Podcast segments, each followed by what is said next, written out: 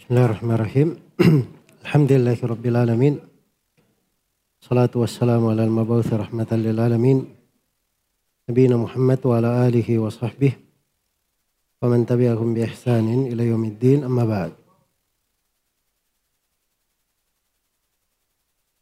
Ini sesi yang keenam dari pembahasan kitab Al-Manzuma Az-Zamzamiyah karya Syekh Abdul Aziz bin Ali Az-Zamzami Al-Makki rahimahullahu taala.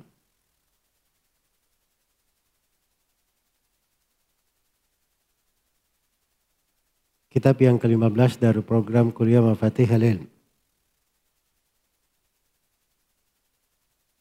Di halaman 28 dari buku panduan Al-Iqduth Thalith ma yarji'u ilal adai wa hiya sittatu anwa. Kalau pembahasan yang ketiga, apa-apa yang kembali kepada ada pembacaan, pelafazan, penyampaian riwayat. Terdiri dari enam bentuk. Saya poinkan di pembahasan ini ada dua. Yang pertama al-muradu bil ada yang dimaksud dengan ada. Ada itu kalau di pembahasan ulumul Quran dan di kiraah itu artinya isalu kiraatil Quran. Menyambung menyampaikan bacaan Al-Quran. Iya. Jadi ada namanya tahammul. Kemudian setelah itu ada. Dia menerima dari guru, dia talaki, dia kuasai. Nah, bagaimana dia membacanya? Bagaimana dia memperdengarkannya kepada orang lain? Bagaimana dia ikra kepada orang lain? Nah, itu disebut ada namanya. Baik. Dalam ada itu ada empat rukun. Di ada ada empat rukun. Yang pertama Al-Muadda. Ah, yang pertama Al-Muaddi. Orang yang melakukan ada, yaitu si guru. Guru yang mengajari Al-Quran. Itu Muaddi namanya. Dan yang kedua Muadda ilaihi. Nah, ini mutalimul Quran, orang yang membaca, orang yang belajar Al-Quran. Itu Muadda ilaihi. Iya. Dan yang ketiga ada namanya al-muadda. Apa yang mau dibacakan, disampaikan, dilafatkan. Itu adalah Al-Quran itu sendiri. Itu adalah Al-Quran itu sendiri dan kirat-kirat yang terkait dengannya. Dan yang keempat adalah sifatul ada. Cara menyampaikannya, bagaimana dia menyampaikannya. Jadi ini ada guru, ada murid. Gurunya itu namanya Al-Muaddi, muridnya namanya Al-Muadda ilaihi. Yang disampaikan itu adalah Al-Quran. Itu Al-Muadda. Cara menyampaikannya itulah tertil di dalam pembacaan Al-Quran. Bagaimana dia mentartilnya, membacakannya. Iya. Karena Allah Subhanahu wa taala perintah warattilil Qur'ana tartila. Dan tartil Al-Quran itu dengan sebenar-benar tartil. Allah firman warattalnahu tartila. Tartil itu itu artinya ikhrajul Quran mubayyinan bitu'ada wa tarassul. Dia membacakan Al-Quran dengan terang, jelas. Dengan bentuk tu ada, tenang, tarasul. Iya, dia berjalan biasa begitu, berjalan uh, tidak cepat. Jadi kalau dibaca dengan tertil, Mubayyanan dia beri setiap huruf itu haknya dan mustahaknya masing-masing. Kemudian dia lafatkan sesuai dengan kiraatnya, dengan bacaannya. Itu artinya dia sudah tartil. Dan tartil itu ada tiga tingkatan. Ada namanya tahqiq. Ada yang kedua namanya tadwir. Dan yang ketiga namanya al-hadar. Ya. Tahqiq itu dia mentartil Al-Quran. Dengan kadar yang paling wajarnya. Tidak dia percepat. Tidak dia percepat. Di bawahnya atau setelah uh, tingkatan yang uh, lainnya atau bisa tidak dikatakan tingkatan sebenarnya dikatakan bentuk-bentuk membaca ya jadi bentuk yang pertama namanya tahqiq dia baca dengan tenang tidak cepat bentuk yang kedua dia baca dengan cepat sedikit itu disebut dengan nama tadwir dan bentuk yang ketiga dia baca dengan al-hadar Hadar itu dia baca tartil Al-Quran dengan cepat. Itu hadar namanya. Baik. Tapi dalam tiga jenis tartil ini, semuanya memenuhi kriteria tartil. Dia baca Al-Quran itu mubayyanan, mubayyinan, terang, jelas, sesuai dengan ketentuan-ketentuannya. Itu yang disebut dengan tartil. Jangan dia cepat tetapi dia apa namanya dia mengurangi dari tajwidnya atau mengurangi dari harokat-harokatnya, panjang pendeknya. Bukan itu yang dimaksud dengan tartil. Ya, tartil tadi itu ada tiga bentuk. Jadi kelihatannya dari pembahasan ada ini banyak di dalamnya ulumul Quran. Iya dalam kefiat membaca di mana dia wakaf, di mana dia mulai. Kemudian bagaimana kalau ada mat bentuk-bentuknya. Kemudian bagaimana kalau ada imalah penyebutan hamzah. Ya dan selainnya ya dari hukum-hukum yang terkait dengan ada. Baik, dan ini sebenarnya banyak uh, pembahasan di sini. Hubungannya itu dengan buku-buku tajwid atau buku-buku kiraat. Baik. Kita masuk di An-Naul Awal wa Al-Waqfu wal Ibtida. Al-Waqfu wal Ibtida.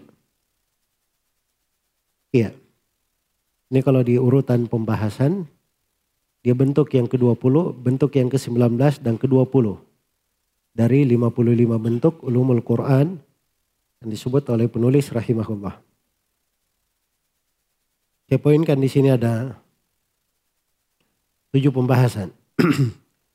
Yang pertama al-muradu bil waqfi wal ibtida. Yang dimaksud dengan wakaf, wakaf berhenti dan ibtida memulai. Ya, penulis tidak memberi definisi khusus di sini ya.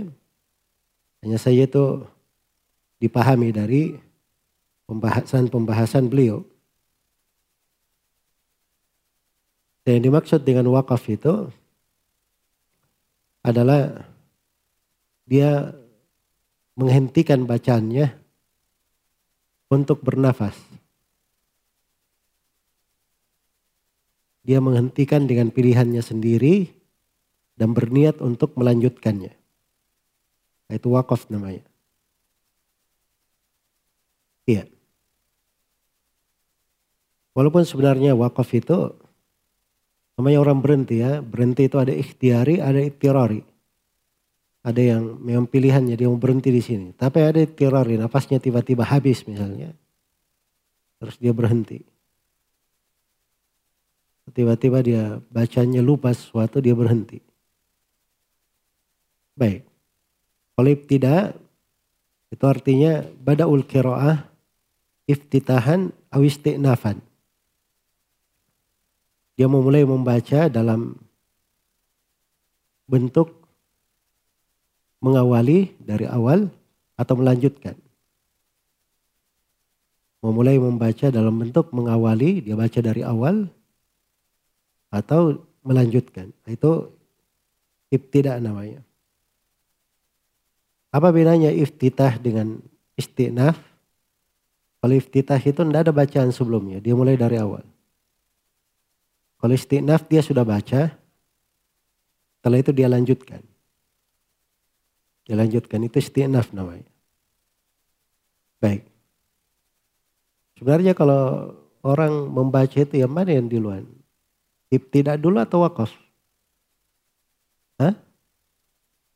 Ibtidak memulai dulu atau berhenti dulu kalau orang membaca? Memulai dulu, tidak ada berhenti. Berhenti itu karena dia memulai baru dibilang apa? Berhenti. Tapi kenapa penulis mendahulukan wakaf?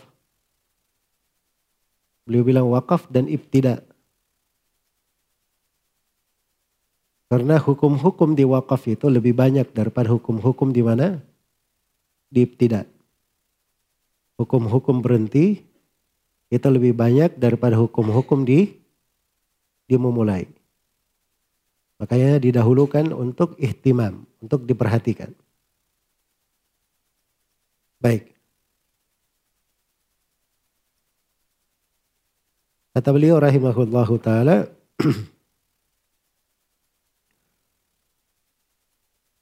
Ini pembahasan yang kedua ya, al-ibtida bihamzil wasal. Mulai dengan hamzah wasal. Kata beliau wal ibtida bihamzi waslin qad fasha.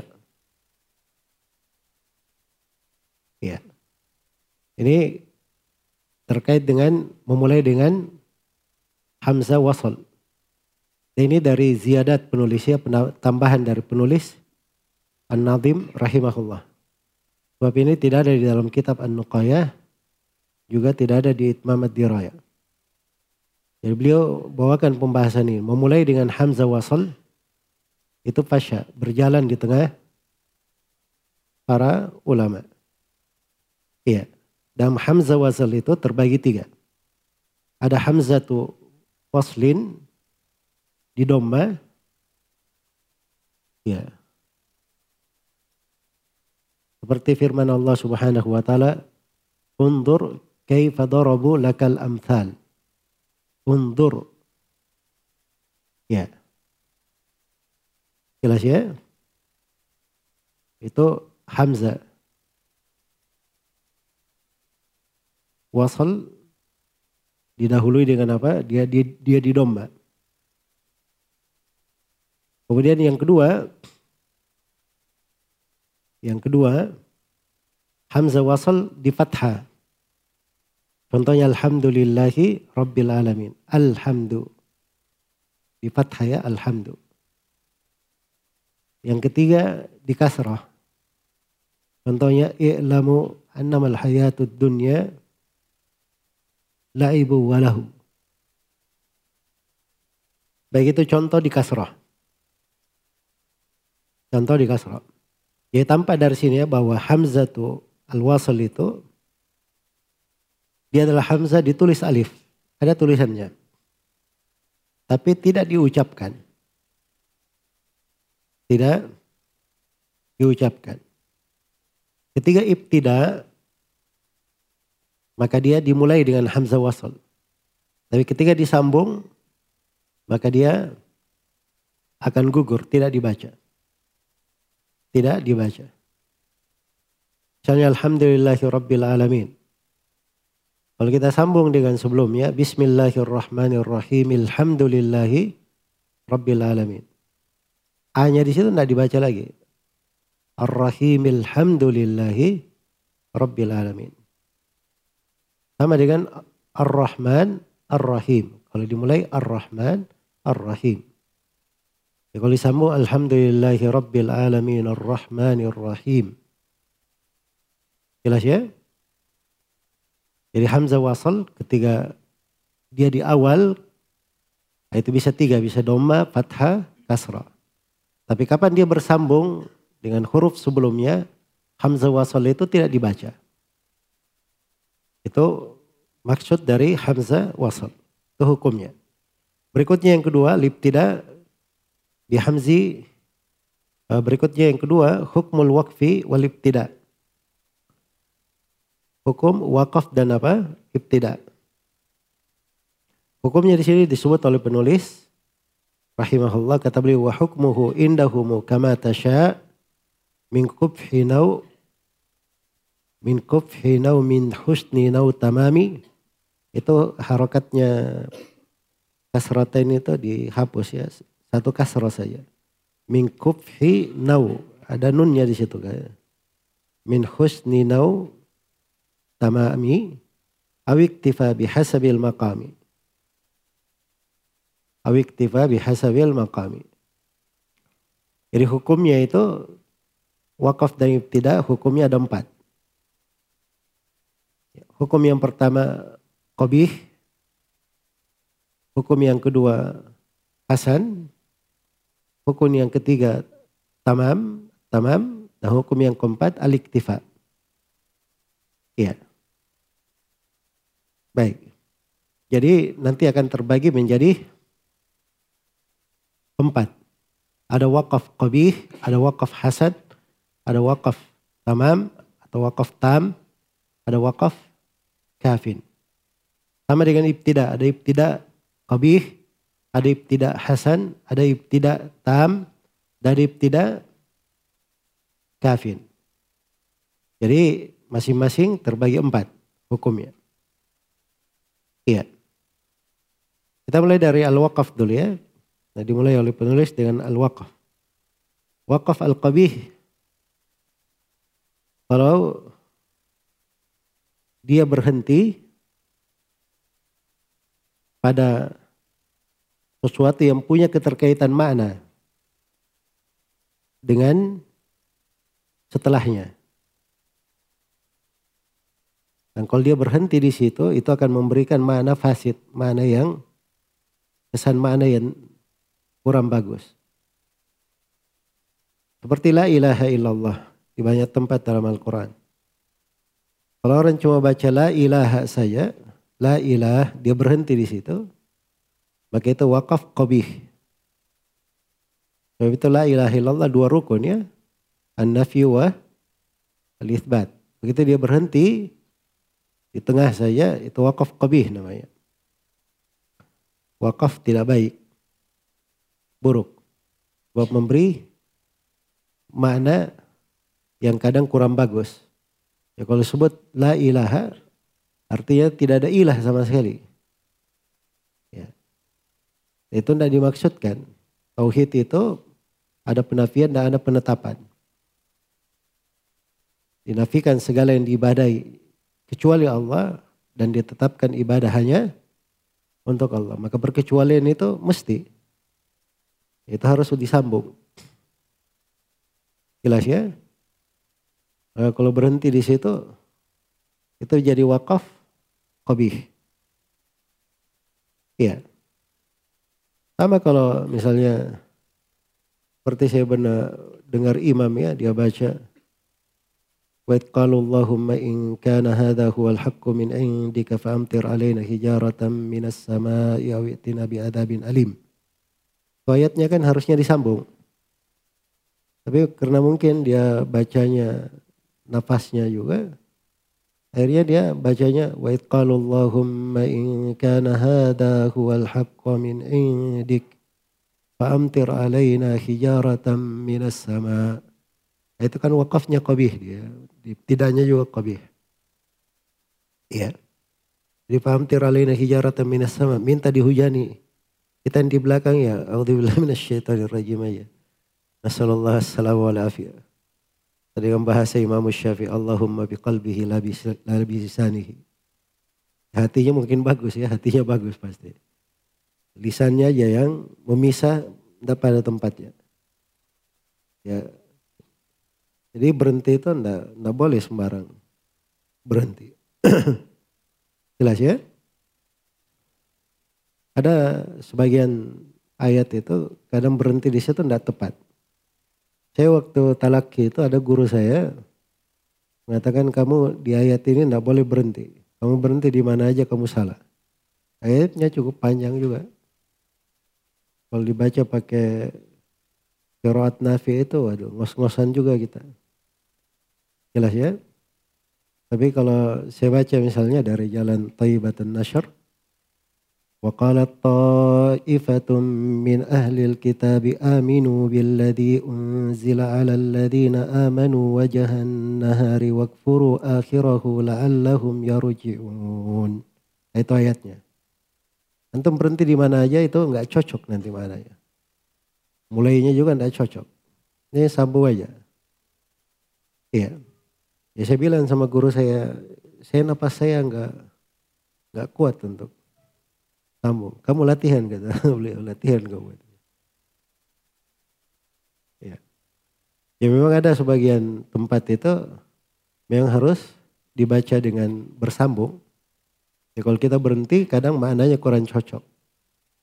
Nah, itu wakaf ya. Mungkin ketika berhenti maknanya cocok, tapi ketika disambung mau balik ke mana? Tidak bisa, susah baliknya. Iya. Baik. Itu wakaf al-qabih. Berikutnya yang kedua al-waqfu al-hasan. Wakaf hasan. Terbentuk min khusni. Ini hasan ya.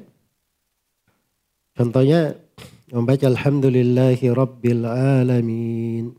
Misalnya membaca alhamdulillah rabbil alamin. Itu wakaf hasan. Tidak ada masalah. Ya. Sebab kaitannya itu ya itu dari sudut lafad, ada kaitan lafad. Bukan di sudut mana, maknanya sudah benar. Alhamdulillahi itu sudah sempurna mana ya. Rabbil alamin sempurna mana. Cuman lillahi rabbi ini terikat lafad. Rabbi ini kan dia sebagai badal untuk uh, alismul alismul ahsan dia sebagai badal. Jadi keterikatan lafaz saya. Bukan pada makna. Nah ini kalau dia ada keterikatan lafaz bukan di mana itu kalau wakaf, wakafnya hasan. Tidak ada masalah. Wakaf yang ketiga atau hukum yang ketiga adalah wakaf tam. Wakaf sempurna. Wakaf sempurna itu kalau kita sudah menyelesaikan satu ayat, sambung lagi ayat berikutnya, tidak apa namanya yang sudah terputus secara lafaz dan secara makna maka itu disebut sebagai wakaf apa? Tam. Iya. Itu sempurna. Jadi tidak ada kaitannya lagi secara makna, tidak ada kaitannya secara apa? Secara lafaz. Ulaika misalnya kita baca lima ayat pertama dari surah Al-Baqarah. Sifat-sifat orang yang beriman. Lima ayat yang uh, dua ayat kedua uh, dua ayat berikutnya sifat orang-orang kafir. 13 ayat setelahnya sifat kaum munafikin. Ya kalau kita ambil di ayat terakhir tentang sifatnya orang yang beriman, ulaika ala hudam mir rabbihim wa ulaika humul muflihun. Wakaf yang pertama itu wakaf hasan namanya. Ulaika ala hudam min rabbihim berhenti di situ wakaf hasan. Wa ulaika humul muflihun itu wakaf tam. Sebab tidak ada lagi hubungannya antara ayat ini dan ayat setelahnya. Ayat setelahnya innal ladina kafaru tawaun alaihim. Jelas ya? Baik, itu hukum yang ketiga. Hukum yang keempat, wakaf kafin. Al-wakaf al-kafi. Kafi itu kalau dia punya hubungan secara mana. Hubungan secara mana bukan secara lafaz. Bukan secara lafaz. Tapi bisa dipahami. Nah, itu syaratnya bisa dipahami. Misalnya orang ketika membaca ayat yang mengandung pilihan-pilihan ya. Seperti ayat tentang mahram misalnya. Hurrimat alaikum ummahatukum wa banatukum wa akhwatukum wa ammatukum. Dia berhenti situ akhwatukum berhenti. Itu wakaf kafin namanya. Sebab kalau dia lanjut misalnya wa ammatukum wa khalatukum wa banatul akhi wa banatul ukht. Itu orang sudah paham bahwa ini lanjut ke sebelumnya. Jelas ya? Baik. Jadi kalau dia berhenti di situ, dikata ummahatukum atau banatukum ya itu sudah sudah kafin, sudah cukup. Iya, sudah cukup. Baik. Selesai terkait dengan wakaf. Contoh-contohnya. Adapun ibtida memulai sama ibtida juga terbagi berapa tadi? Terbagi empat. Yang pertama apa? Ibtida hasan. Ibtida hasan. Ibtida hasan itu kalau apa namanya? Uh, pertama ibtida kobih dulu ya. Pertama kobih di urutan penulis ya. Ibtida kobih itu kalau setelah uh, kalau sebelumnya itu terkait dengan mana bukan secara lafaz. Sebelumnya terkait dengan mana. Ini biasanya antara kaul dan makulatul kaul. Jadi kalau ada kala, kalu, ada ucapannya, itu jangan dipisahkan sebab ini terkait. Nah, kalau berhenti di situ, itu menjadi kobih nanti. Banyak hal yang menjadi kobih. Apalagi kalau dia menghikayatkan ucapan-ucapan orang kafir. Itu wakafnya menjadi apa? Ibtidanya menjadi uh, uh, ibtida dia mulai di situ menjadi qabih. Misalnya laqad kafara alladziina qalu innallaha huwal masih ibnu maryam. Terus dia wakaf di situ. Wakafnya udah bagus ya. Cuman dia ketika balik ibtida dia berkata innallaha huwal masih ibnu maryam. Itu ibtida qabih. Sebab itu ucapan innal Innallahu wal masih ibn Maryam itu ucapannya siapa? Ucapannya orang-orang kafir. Jelas ya? Kok tiba-tiba dia ucapkan. Jadi itu dihitung kobih. Baik. Dan kadang di sebagian ayat, ya secara umum kalau kan ada fawasil ya, sudah berlalu berlalu kita fawasil ayat. Penomoran-penomoran ayat itu akhir-akhir. Asalnya itu kalau orang mulai dari mabda dan makta, apa dia mulai dari mabda setiap ayat setelah fawasil, itu asalnya benar bacaannya. Tergantung ada nomor ayat sampai ujung ayat. Mulai lagi dari awal, ujung. Mulai lagi dari awal. Itu asalnya bagus, asalnya syah. Tapi ada sebagian ayat itu terkait mana. Dia kadang tidak cocok atau kurang enak dimulai dari depan. Tapi disambung ke belakang. Ya, saya bacaan saya itu dirapikan oleh guru saya ketika saya talaki. Begitu saya baca apa namanya ayat-ayat di surah Saffat. Ala innahum min ifkihim layaqulun waladallahu wa innahum lakadibun. Itu kata guru saya, jangan begitu modelnya kamu baca. Kurang enak kedengarannya. Terus beliau ajari, bagusnya kalau mau baca begini caranya. Ala innahum min ifkihim layakulun. Itu kan akhir ayat itu. Nah kamu balik sedikit. Min ifkihim layakuluna waladallah wa innahum lakadibun. Sebab waladallahu itu itu ucapannya layakulun. Layakuluna waladallah. Kan begitu. Nah, dan ini yakuluna waladallah min ifkihim. Jadi balik juga sedikit min ifkihim supaya nyambung maknanya. Innahum lakadibun itu taukid. Penegasan bahwa mereka ini dusta dalam ucapannya. Jelas ya? Jadi wakaf dan memulai itu itu punya keterkaitan di dalam mana? Punya keterkaitan di dalam mana? Itu yang membuat orang itu betah membaca Al-Quran. Dan bisa tadabur bagus karena dia tahu ketika membaca ayat itu tidak sembarangan dia baca-baca saya berhenti sesuka di mana nafasnya terakhir dia berhenti di situ. Tapi dia baca itu dia lihat mananya, enaknya berhenti di mana, mulainya di mana.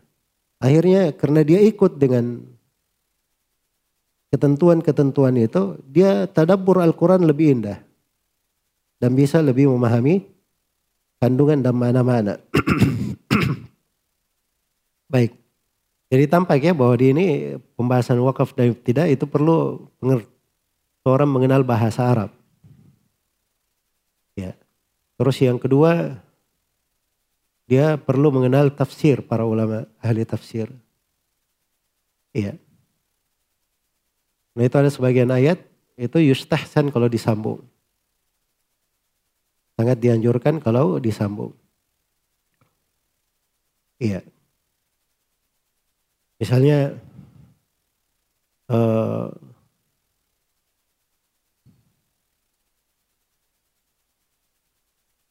pada ayat tentang apa namanya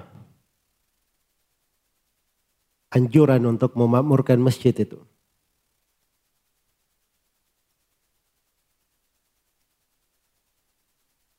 Fi buyutin fi buyutin adinallahu ay yurfa'a wa yudhkara fiha ismuhu yusabbihu lahu fiha bil gudui wal asali rijal. Nah, itu wakafnya di situ di rijal. Sebab rijalun itu itu fa'il untuk yusabbihu lahu fiha bil gudi wal asar rijal. Rijal itu fa'ilnya.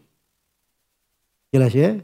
Ya kalau dia berhenti, dia ikutkan fa'ilnya, itu mengikut, mananya masuk. Makanya bagusnya dia wakaf di situ. Walaupun boleh dia wakaf di akhir fasilah, boleh. Sudah diterangkan ya, itu boleh. Tapi ini kita bicara masalah yang mana yang paling bagusnya. Ya karena itu ada wakaf hasan, ada wakaf tam, ada wakaf kafin, kan begitu.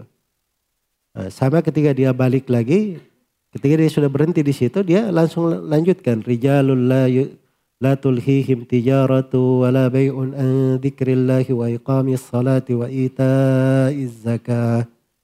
Nah, itu enak sudah nyambungnya. Jelas ya? Baik. Jadi itu ada keterkaitan-keterkaitan mana kadang itu dipahami dari tafsir ayat. Dari tafsir ayat. Makanya orang-orang Indonesia itu kalau di masalah melafatkan Al-Quran, kiroa, bacaan, wah itu paling jago itu. Sering juara orang-orang Indonesia untuk tartil kiroa internasional. Tapi yang paling masalah itu di wakaf tidak. Paling masalah, paling banyak keliru. Ya. Baik kalau dia tidak belajar bahasa Arab. Ya seperti yang saya sebut itu tadi, kadang kita di belakangnya itu ngeri-ngeri juga sholat di belakangnya. Karena kadang berhenti bukan pada bukan kepada tempatnya. Apalagi kadang sebagian ada yang menyambung-nyambung, tidak pas cara menyambungnya. Iya. Baik. Berikutnya di antara bentuk ibtida ada ibtida hasan. Ibtidah hasan ini kalau dia terkait dengan sebelumnya secara lafad bukan secara mana. Iya. Baik. Misalnya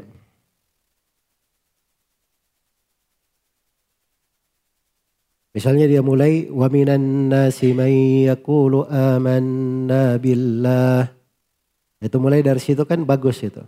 Sebab kalau dia sambung dengan ayat sebelumnya itu menjadi tidak cocok. Atamallahu ala qulubihim wa ala sam'ihim wa ala basarihim gishawatu wa lahum adabun azimun wa minan nas.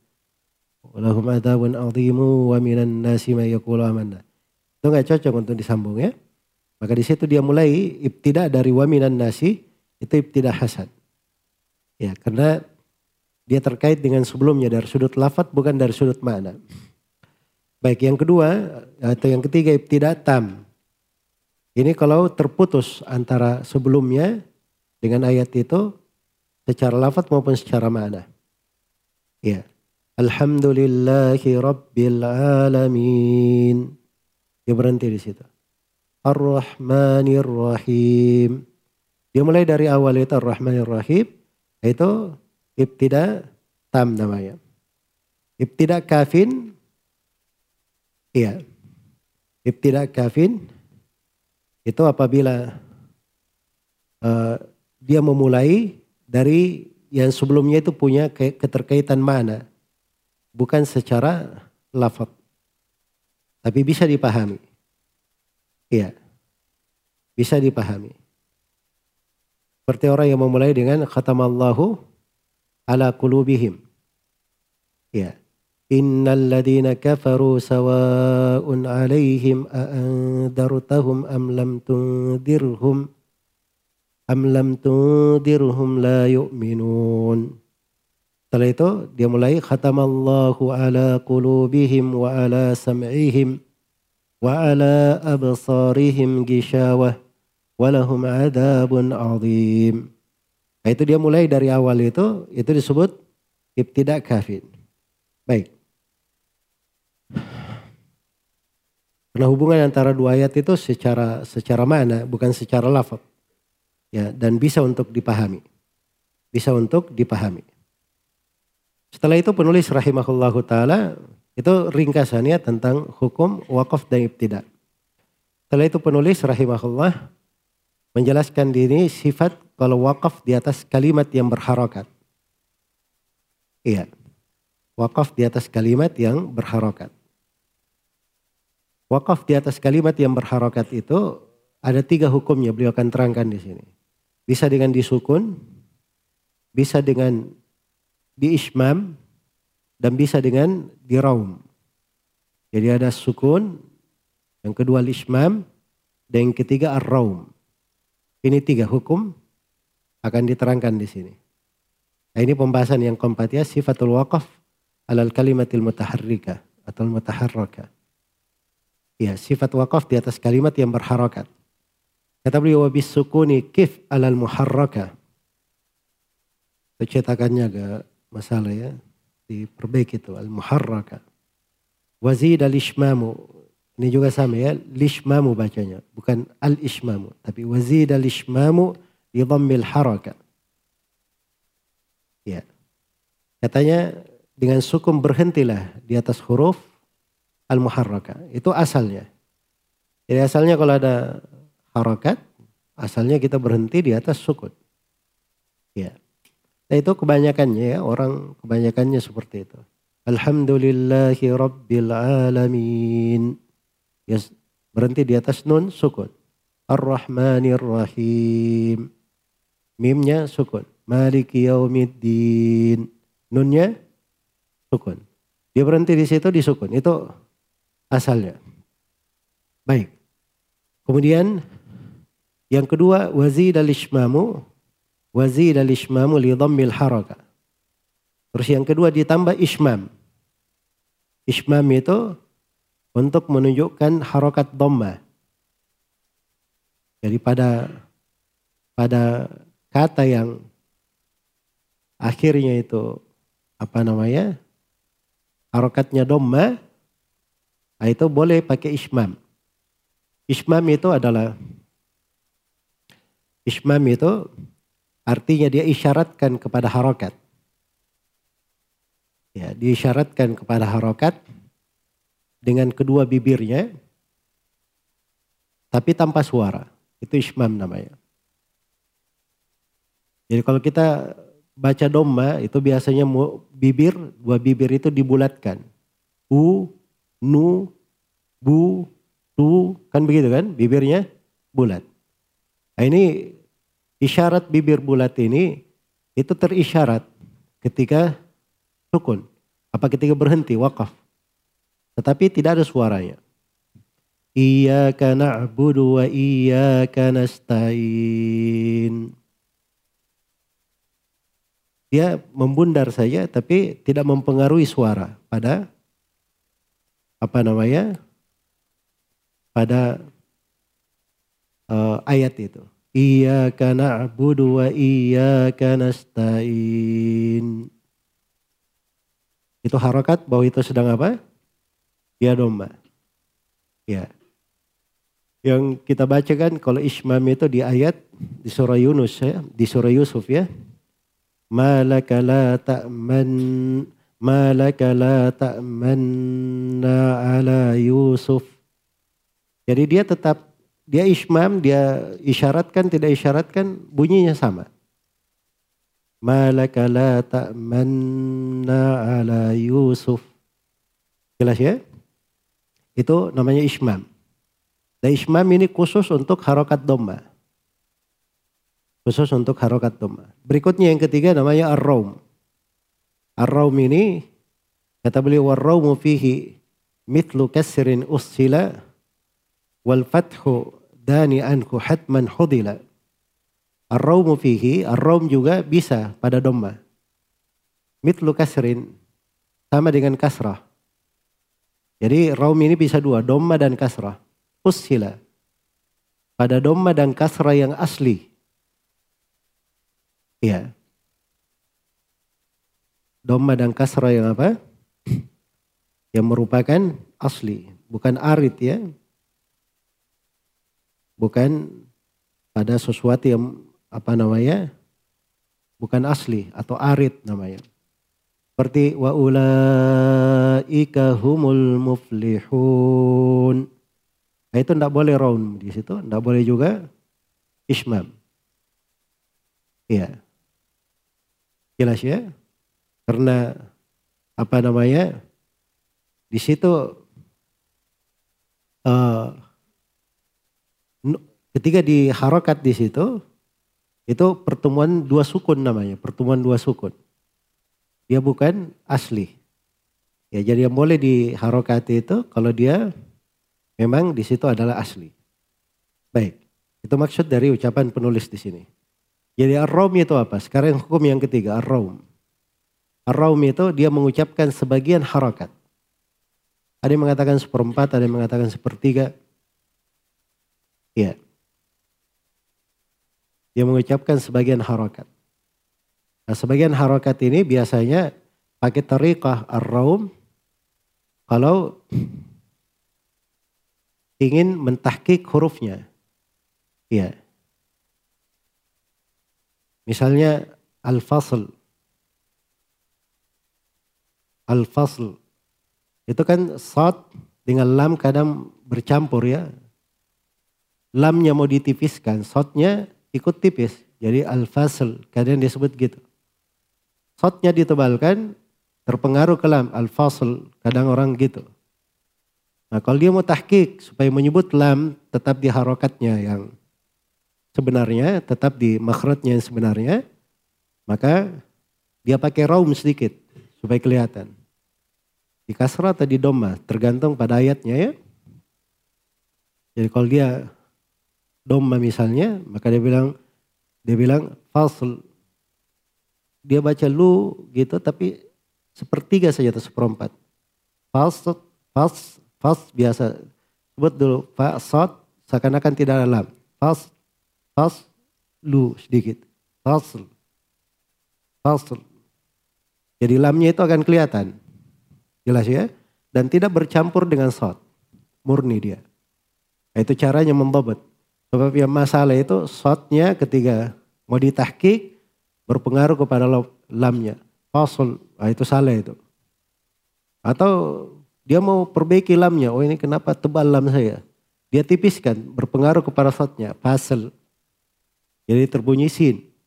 Padahal dia harusnya ngomong fasl, fasl, fasl. Jelas ya? Nah, itu rom, fungsinya rom di situ. Baik, fungsinya rom di situ. Ini teori-teorinya ya, penerapannya itu itu di talaki, di pembahasan talaki dari guru. Baik, selesai di sini. Dan di fathah itu tidak ada harokat raum dan ismam di situ, di fathah. Tidak menerima raum dan tidak menerima ismam. Karena itu kata penulis, wal fathu dani anku hatman fudila. Ya. Fudila artinya terlarang. Nggak boleh ada rom dan ismam di situ. Baik. Kemudian pembahasan berikutnya al-waqaf alal ha'il marsumai al-marsumati ta'an. Wakaf kepada ta di atas kata yang kepada huruf uh, ha yang tertulis dengan huruf ta. Dia huruf H di atas, tapi tertulisnya tak. Ya seperti rahmatun, kan rahmah, kan harusnya. Imro'atun, imro'ah. Ya kan? Nikmatun, harusnya nikmah. Tapi ini tak marbutonya, hanya itu, itu tak tertulisnya. Ya, rahmat, imro'at, nikmat, mardat. Jelas ya? dia tertulis tak. Nah, itu bagaimana terkait dengan hal itu? Ini mau diterangkan oleh penulis rahimahullahu taala di sini. Kata beliau wa fil halati bitta'i rasman khulfu. Iya. Dan pada ha yang tertulis dengan ta secara rasm itu ada khulfu, ada silam pendapat. Ada silam pendapat. Silam pendapatnya ya kembali kepada kiraat. Kembali kepada kiraat. Jadi penulis di sini tidak membahas rinci ya sebab ini urusannya memang di pembahasan ilmu kiraah. Iya. Kiraatnya di situ berhenti pakai apa dia? Itu ada semua riwayat-riwayatnya. Ada semua riwayat-riwayatnya. Baik. Iya. Dan sebagian kiraat misalnya dia berhenti pakai H, sebagian kiraat dia berhenti pakai ta, itu ada riwayatnya. Maka itu dilihat pada riwayatnya. Ya sama ya kalau antum baca di makanya kenapa orang kalau sudah hafal Quran pun dia tetap disunnahkan membaca dari mushaf. Disunahkan membaca dari mushaf. Sebab itu mengingatkan hal-hal yang seperti ini. Yang mana yang tertulis pakai ta, pakai ini. Ya makanya Imam Nawawi itu sebutkan bahwa membaca Al-Quran dari hafalan tersendiri itu pahala. Melihat ke mushaf itu pahala tersendiri. Jelasnya orang tidak membaca misalnya, dia cuma lihat mushaf saja. Mulutnya tidak bergerak, tapi dia lihat. Itu dapat pahala. Kalau dia baca sambil melihat itu dia dapat pahala dua kali. Baik. Karena itu banyak dari guru-guru itu dia orang-orang hafal Quran tapi mereka selalu pegang mushaf. Pegang mushaf karena mana tersebut. Apalagi kalau dia simak bacaan orang itu biasanya dia pegang mushaf untuk menyimak. Walaupun dia sendiri menghafal karena menyimak dengan memegang mushaf itu lebih dobit, lebih lebih kuat derajatnya. Iya. Baik. Kemudian berikutnya al-waqfu ala waika anna. Ya, ini waika anna ya. Pada ayat di surah Al-Qasas. Waika Allah yabsutur rizqa liman yasha'u min ibadihi wa yaqdir. Ya, waikana. Itu ada di sini dikatakan waikana lil kisai waqfu minha alal ya wa abu amrin ala kafin laha wa ghairuhum qad hamala. Ya. Baik. Ini disebut tiga madhab. Tiga madhab di kalangan ahli kira tentang waikana. Madhab yang pertama itu madhabnya al-kisai. Wakafnya di atas ya way. Jadi kalau dia mau wakaf di situ way, ya, ka'anna. Baik, Al-Kisah itu kan banyak sak, sakatatnya ya, sakta-saktanya. Ya, kadang dia berhenti di situ. Baik, kalau Abu Amr, nah itu Al-Kisah ya di riwayat Ad-Duri, di riwayat Ad-Duri. Kalau Abu Amr Ibn Al-Ala Al-Basri, dia wakafnya di atas kah. Waik kalau dia wakaf pakai K dia. Waik. Iya. Kalau yang lainnya itu wakafnya di atas nun. Wakafnya di atas nun. Waikaan. Jadi berhenti di atas nunnya. Waikaan. Baik. Itu tiga, tiga, tiga madhab ya. Nah, ini semuanya perbedaan cara membaca kiraah itu ikut kepada bacaannya, di kiraatnya masing-masing. Berikutnya yang terakhir al-waqfu ala mali. Wakaf kepada mali. Iya. Kata beliau wa waqafu bilami nahwi mali hadar rasuli. Ma adal mawali as-sabiqaini fa'ala ma waqafu. Wa shibh hadzal mithali nahwahu kifu. Iya. Kata beliau dan mereka wakaf di atas lam pada kata mali. Ya, mali hadar rasul. Bukan mali hadar rasul. Mali haula mali haula il qaum. Itu mali juga di situ ya. Ya makanya bahasanya nahwi contoh. Berarti ada tempat lain. Mali hadar rasul, mali haulail qaum. Baik. Kalau wakafnya itu di sini disebutkan ada dua madhab. Ya. Madhab yang pertama adalah madhabnya uh, apa namanya jumhurul ula, uh, jumhurul qurra. Wakafnya itu di atas ma. Jadi kalau mereka wakaf ma lihadar rasul begitu. Jelas ya? Jumhurul qurra. Kecuali Abu Amr Ibnul Ala dan Al-Kisai. Itulah yang beliau sebutkan di sini ma'adal mawaliyas sabiqain. Selain dua mawali yang telah berlalu. Mawali yang berlalu itu Abu Amr yang sudah berlalu namanya ini Abu Amr dan Al-Kisai. Abu Amr dan Al-Kisai itu kalau nasabnya itu asalnya dari Maula ya ya maula sabiqain. Dan itu bukan perendahan nasab tapi ta'rif. Memang beliau maula. Ini kadang disingkap ya bahwa ini para imam ahli kiraah. Asal garis keturunannya bukan orang merdeka, tapi orang-orang yang dulunya budak. Tapi bersamaan dengan itu bisa menjadi panutan di dalam agama. Makanya orang itu ditinggikan derajatnya bukan sekadar dinasab, tapi tinggikan derajatnya dengan Al-Quran. Nah itu Umar bin Khattab bertanya kepada gubernur Mekah, siapa yang kamu tinggalkan di Mekah menggantikanmu? Katanya Ibnu Abza, Abdurrahman bin Abza, rahimahullah. Ditanya siapa Ibnu Abza itu? Kata beliau maula dari maula kami. Kata Umar, kamu biarkan Maula memimpin kota Mekah. Maka kata beliau, orang ini hafidhul li kitabillah, qari'ul li kitabillah, wa hafidhul lil faraid. Dia ini membaca orang yang qari terhadap Al-Quran, dahli faraid. Maka Umar berkata, Sami'tu Nabi sallallahu alaihi wasallam yaqul inna Allah la yarfa'u bihadzal kitabi aqwaman wa yadau bihi akharin. Sungguhnya Allah mengangkat dengan Al-Quran ini sekelompok kaum dan merendahkan yang lainnya dengan berpaling dari Al-Quran pula. Jadi orang dengan Al-Quran itu itu sebab ketinggian, dia ditinggikan. Baik. Terus kata beliau, uh, sabikain fa'alama waqafu. Wa shibih dal mithali nahwaha kifu. Dan semisal dengan misal contoh-contoh ini yang lain ya apa namanya silahkan kalian mencarinya. Berikutnya an-nau thalith al-imala. Ini al-imala namanya. Iya.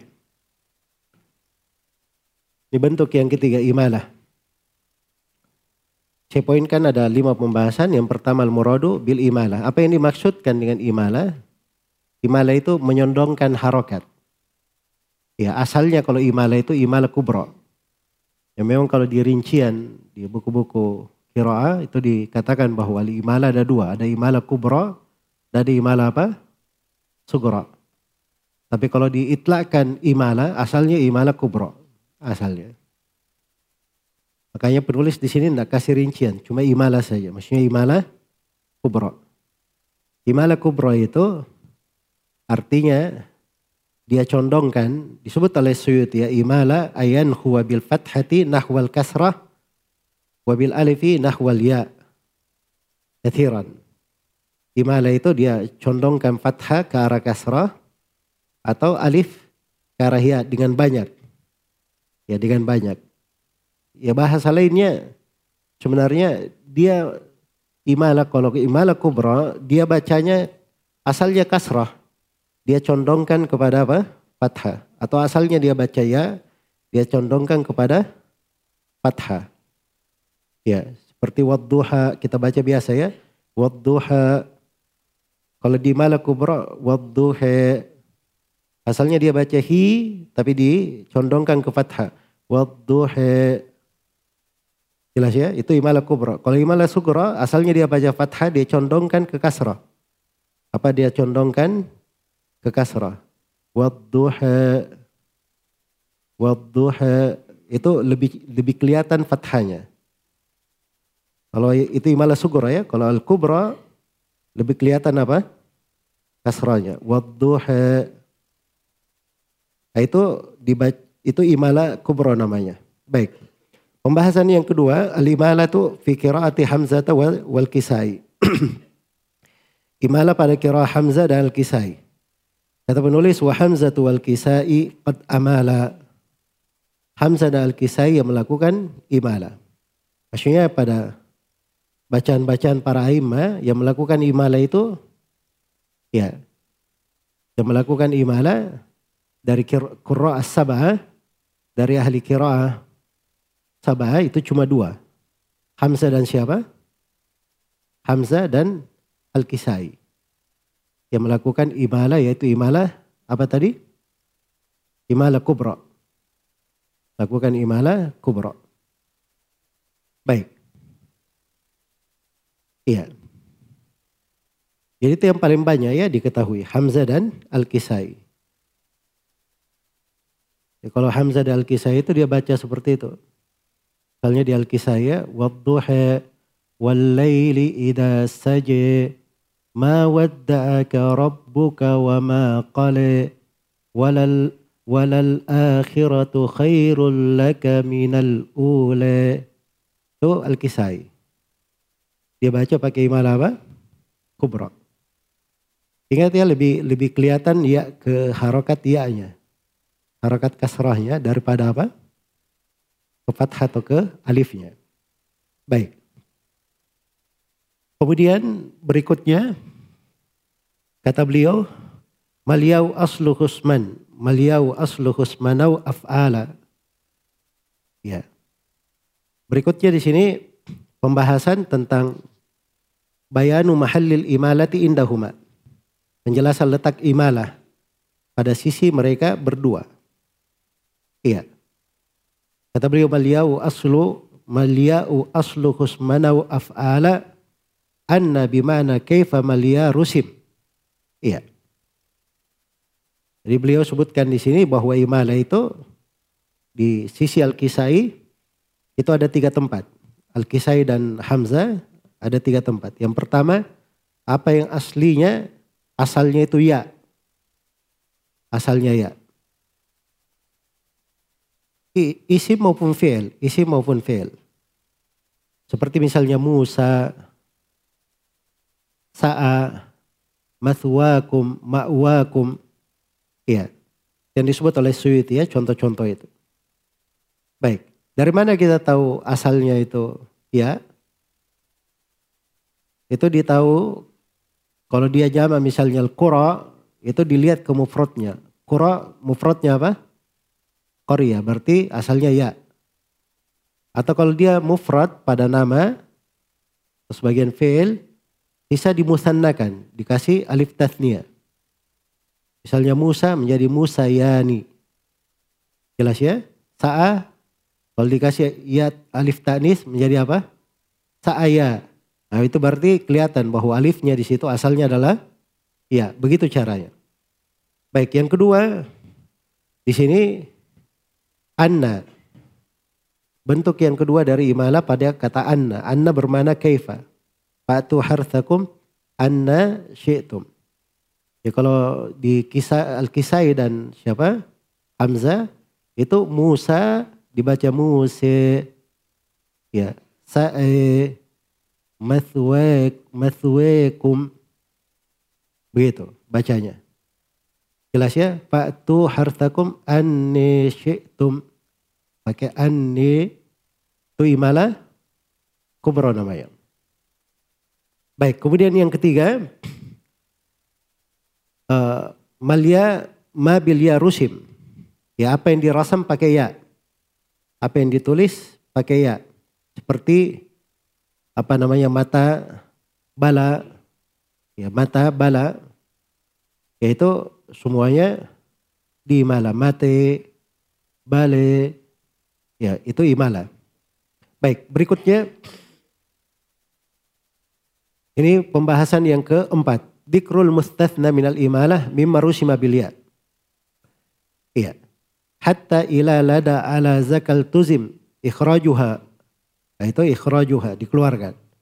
Jadi ini enam kalimat uh, atau empat kalimat. Hatta, uh, hatta, terus yang kedua apa? Ila, yang ketiga lada, yang keempat ala, yang kelima zaka. Ini diperkecualikan. Mereka tidak melakukan imala. Jadi kalau pakai ila itu selalu dia dia sebut biasa saja, tidak diimala. Jelas ya? Tidak diimala. Baik, itu yang diperkecualikan di kiraat mereka ini. Kemudian setelah itu pembahasan yang terakhir, wuku li imalati inda bakiyatil qurra siwa Hamzah wal Kisai.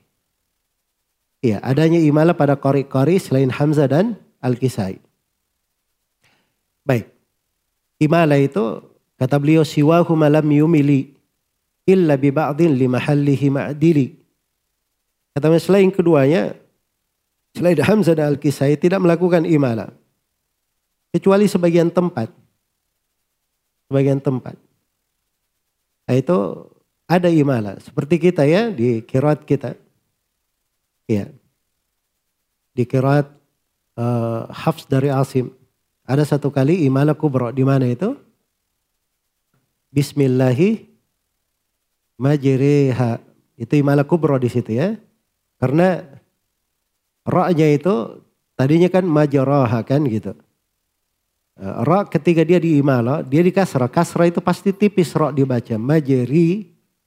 Tapi di dikubrokan. Bismillahi majriha. Majriha. Jelas ya? Baik itu di bacaan kita.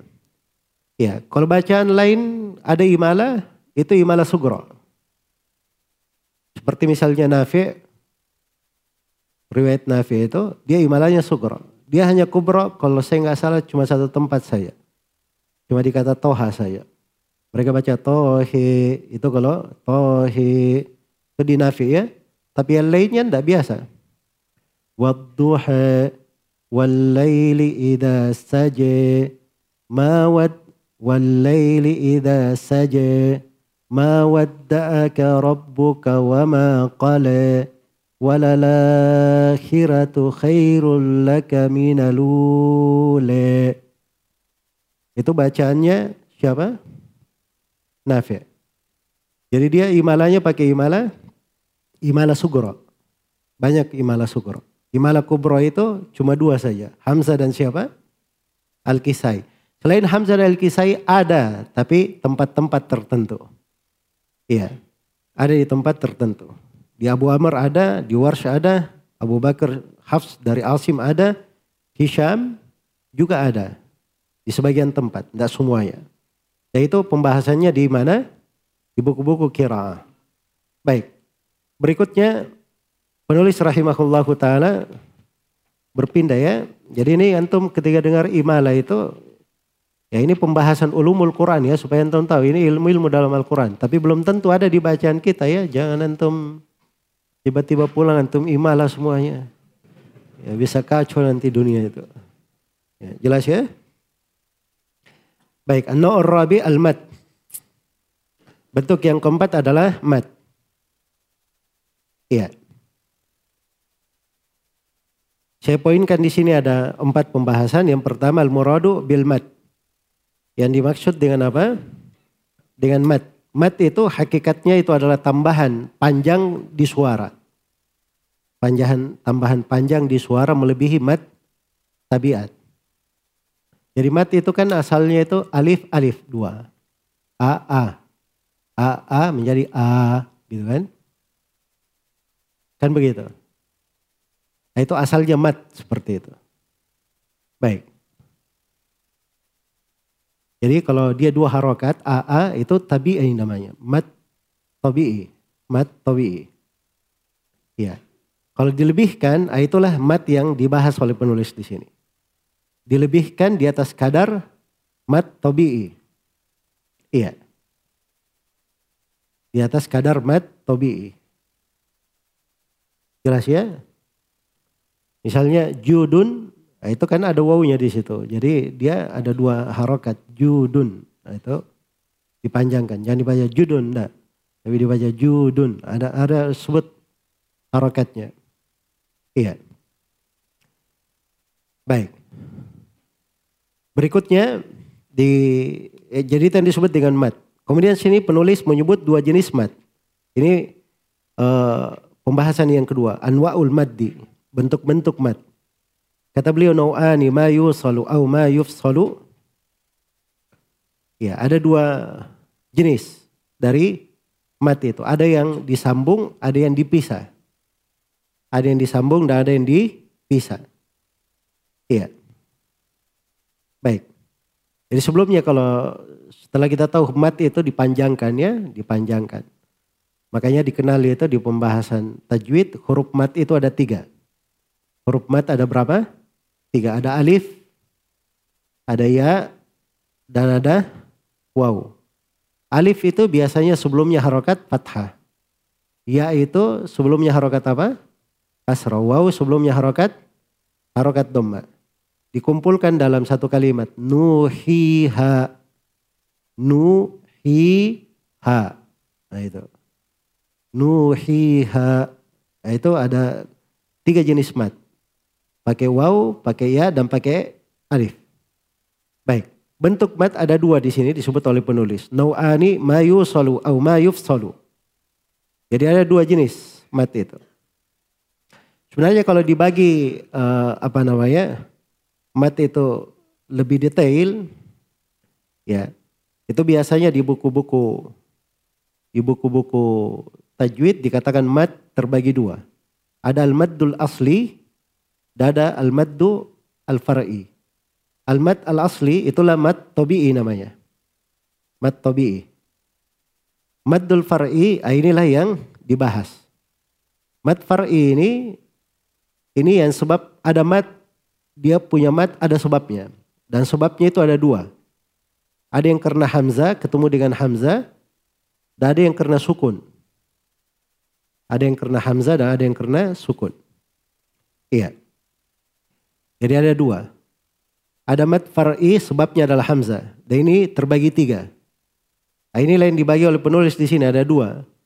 Ada mat muttasil, ada mat mumfasil, dan satu lagi mat badal. Ini masuk ke dalam mat apa? Far'i. Ya. Yang disebut oleh penulis apa yang disambung dan dipisah itu sudah masuk di sini di mat far'i namanya. Itulah mat muttasil dan mat munfasil.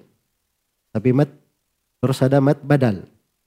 Terus yang kedua ada mat disebabkan karena sukun. Itu ada dua jenis. Ada mat lazim dan ada mat apa? Arid. Mat lazim dan mat arid. Baik, sekarang saya beri contoh. Ya, beri contoh. Tentang mat tobi itu sudah jelas ya. Sudah kita lihat. Nuhiha itu tobi semua. Jelas ya? Sekarang mat far'i sebabnya Hamzah. Sebabnya Hamzah terbagi berapa tadi? Terbagi tiga. Ada mat muttasil. Contohnya kama tasya kama tasya kama tasya'u. Nah, itu mat ya di panjang shinnya itu karena ketemu dengan hamzah. Itu muttasil, dia berada di tengah. Seperti ja'a, ja'a. Jelas ya? Seperti haula'i. La-nya di situ, itu ketemu hamzah. Jadi itu mat muttasil. Mumfasil, contohnya ma anzalna mimnya ketemu dengan apa? Hamzah tapi berpisah antara ma dengan dengan hamzah. Sama dengan haulai. Haulai. Hanya di situ itu mat mumfasil lamnya dipanjangkan itu mat apa namanya? Mat muttasil. Itu hati-hati ya, banyak yang salah di situ. Banyak yang salah. Nanti saya akan terangkan sudut kesalahannya. Yang ketiga mat badal. Seperti amanu. Fa'awa. Fa'awa. Jelas ya? Awa itu dua harokat. Itu mat badal. Amanu dua harokat. Semua ahli kira dibaca dua saja. Kecuali Nafi. Dari jalur wars. Dia baca empat harokat. Innalladzina amanu. Itu di wars ya. Fa'awe. Begitu dia baca di wars. Ya, selain itu cuman baca dua harokat saja. Baik, berikutnya mat sebabkan karena zukun. Itu terbagi dua. Ada ada mat lazim dan ada mat apa? Arid. Yang lazim itu seperti geril makdubi alaihim waladdallin. Itu lazim ya? Iya. Fa'idha ja'atit tammatul kubra itu harus enam harokat. Mat lazim itu harus enam harokat. Baik. Baik. Mat arid contohnya iya abudu wa iya kana stain. Semua sukun yang berada di akhir yang kita bahas tadi sukun-sukun di akhir ayat itu, itu disebut mat far'i apa namanya disebabkan karena apa? Arid. Mat arid ya lisukun. Baik. Selesai ya tentang uh, al-muttasil dan al-munfasil. Jadi kalau dibahas oleh penulis di sini cuman mat ada dua muttasil dan munfasil itu betul. Pembagian itu kalau diklasifikasi di kiroat yang banyak dibedakan. Jadi mungkin antum heran kenapa cuma dibagi dua saja. Kan tadi ternyata banyak jenis mat. Jawabannya yang paling banyak bermasalah itu di bahasan ulumul Quran dua jenis mat ini susah dibedakan. Muttasil dan apa? Mumfasil makanya itu aja yang beliau terangkan di sini. Baik. Kemudian setelah itu pembahasan yang ketiga maratibul maddi indal qurra'is sabah tingkat-tingkat mad di kalangan tujuh ahli kiraah kata beliau wa fihi ma hamzatu wa fihi ma hamzatu warshun atwalu. Fa'asimun fa'ba'dahu ibnu Amiri mal kisai fa Abu Amrin Hari. Ya. Ini sekarang beliau berikan meratibnya di kalangan ahli kira. Jadi beliau sebutkan ada empat tingkatan di kalangan ahli kira. Yang paling tinggi, yang paling panjang matnya itu, itu di riwayatnya Hamzah. Kemudian di riwayat Warsh dari Nafi' riwayat Nafi atau kiraat Nafi dari riwayat Warsh. Itu bahasa lainnya ya. Baik. Itu kata Syuuti dalam Alitman. Kadarnya talatu alifat. Sekitar tiga alif. Sekitar berapa? Tiga alif. Ya, kalau disebut tiga alif itu.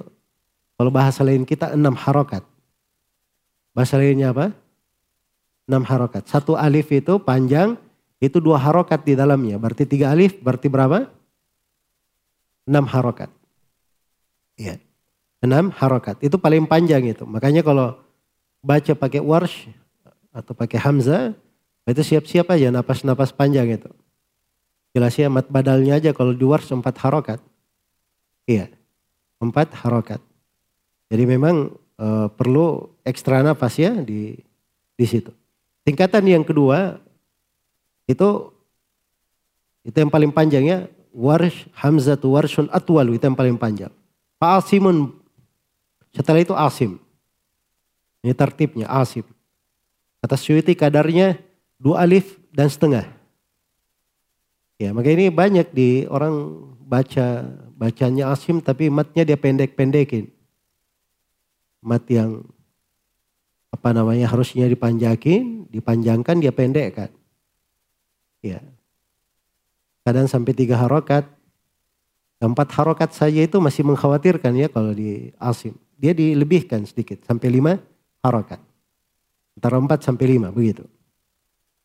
Baik. Kemudian berikutnya yang ketiga Ibnu Amir dan Al-Kisai. Kata beliau, Faba'adahu Ibnu Amiri ma'al Kisai. Nah itu tingkatan yang ketiga. Ibnu Amir dan Al-Kisai itu sekitar dua alif. Dua alif, empat harokat. Ya, kemudian yang keempat, ini yang terakhir. Pak Abu Amrin Hari. Abu Amr. Abu Amr itu alif setengah. Satu alif dan setengah. Berarti tiga harokat. Baik. Nah ini ini semuanya diambil dengan jalur talaki. Dibaca itu dari guru. Dibacanya dari guru. Supaya guru itu mengepaskan panjang pendek kita. Iya. Jadi saya agak, agak aneh sebenarnya karena saya baca dari guru itu pada mat-mat yang apa namanya uh, mumfasil atau mat mutasil itu tidak kurang dari empat harokat. Kadang sampai lima harokat. Kita baca dari guru. Ya, kalau turun sedikit itu disuruh panjangin biasanya. Suruh panjangin. Baik. Kemudian setelah itu pembahasan yang terakhir Mahallut tifakihim wa ikhtilafihim fil mat. Letak kesepakatan dan perbedaan mereka dalam mat. Ini perhatikan ya. Kata beliau wa harfa maddin makkinu fil muttasil turran. Uh, afwan. Wa harfa maddin makkanu fil muttasil turran. Walakin khulfuhum fil munfasil. Huruf mat itu mereka tamkin. Pada mat muttasil. Semua ahli kiraah. Semua ahli kiraah. Makanya ja'a itu tidak ada yang baca dua harokat. Ja'a. Iya. Abasa wa tawalla ja'ahul a'ma. Itu ja'a itu harus empat harokat. Tapi tawalla tadi itu itu mat mumfasil. Bisa dua harokat. Abasa wa tawalla ja'ahul a'ma. Ja'anya jangan dikurang-kurangi. Iya. Jelas ya kalau ja'anya juga disunat harokatnya. Nah itu sudah menyelisih seluruh jalur ahli kiraan. Tidak ada yang mengurangi di situ. Maksudnya di situ harus nimat. Tidak boleh kurang dari empat harokat. Tidak boleh kurang dari empat harokat di situ. Baik. Sama tadi saya sebut haulai. Hanya itu itu mat mumfasil haula lamnya la itu mat muttasil. Jadi dia di haulainya itu tidak boleh kurang dari empat harokat. Haulai hanya bisa dua harokat. Bisa dua harokat. Dari jalur taibatun nasyur. Bisa. Jelas ya? Jangan hanya dipanjangkan. Itu sebagian saya dengar ya baca. Haulai Malah lamnya dipendekin dua harokat. Nah, itu ndak ada di semua ahli kira itu ndak ada di bacaan dua harokat. Empat harokat semua. Jelas ya? Baik. Jadi semuanya di mat mutasil semuanya ditamkin, dipanjangkan. Perbedaannya itu pada mat mumfasilnya, itu perbedaan. Pada mat mumfasil. Ada yang membaca pendek, ada yang membaca panjang pada mat mumfasil.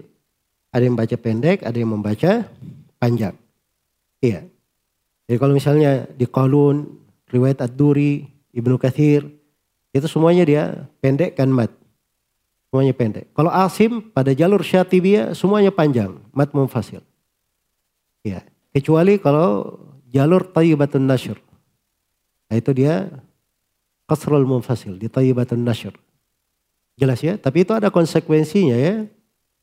Ada konsekuensinya. Sebab antara riwayat Hafs dari Asim melalui Tayyibatun Nashr dan Hafs dari Asim melalui jalur Asyatibiyah itu ada sekitar 22 perbedaan. Ya, perbedaan yang paling menyoloknya itu pada mat mumfasilnya itu tadi. Pada pada mat mumfasilnya. Misalnya dari jalur Syatibiyah. قل إنما أنا بشر مثلكم يوحى إلي أنما إلهكم إله واحد itu dari jalur syatibiyah dari jalur taibatun nashr bisa dipendekkan Qul innama ana basyarum mitlukum yuha ilayya annama ilahukum ilahu wahid فمن كان يرجو لقاء ربه فليعمل عملا صالحا فليعمل عملا صالحا ولا يشرك بعبادة ربه ولا يشرك بعبادة ربه أحدا itu taibatun nasyr tapi kalau baca dari jalur syatibiyah فليعمل عملا صالحا ولا يشرك بعبادة ربه أحدا harus empat harokat paling pendek di jalur syatibiyah. Jelas ya? Ya maksudnya pada mudut itu itu ada hitungan-hitungannya. Jadi jangan dicampur adukkan. Ya, jangan dicampur adukkan. Baik. Jadi itu beberapa hal ya yang terkait dengan mat. Kemudian yang kelima, naul khamis, takhfiful hamzah, meringankan hamzah. Ini sudah uh, baik. Ini sudah jam 2 ya. Sudah kelewatan kita.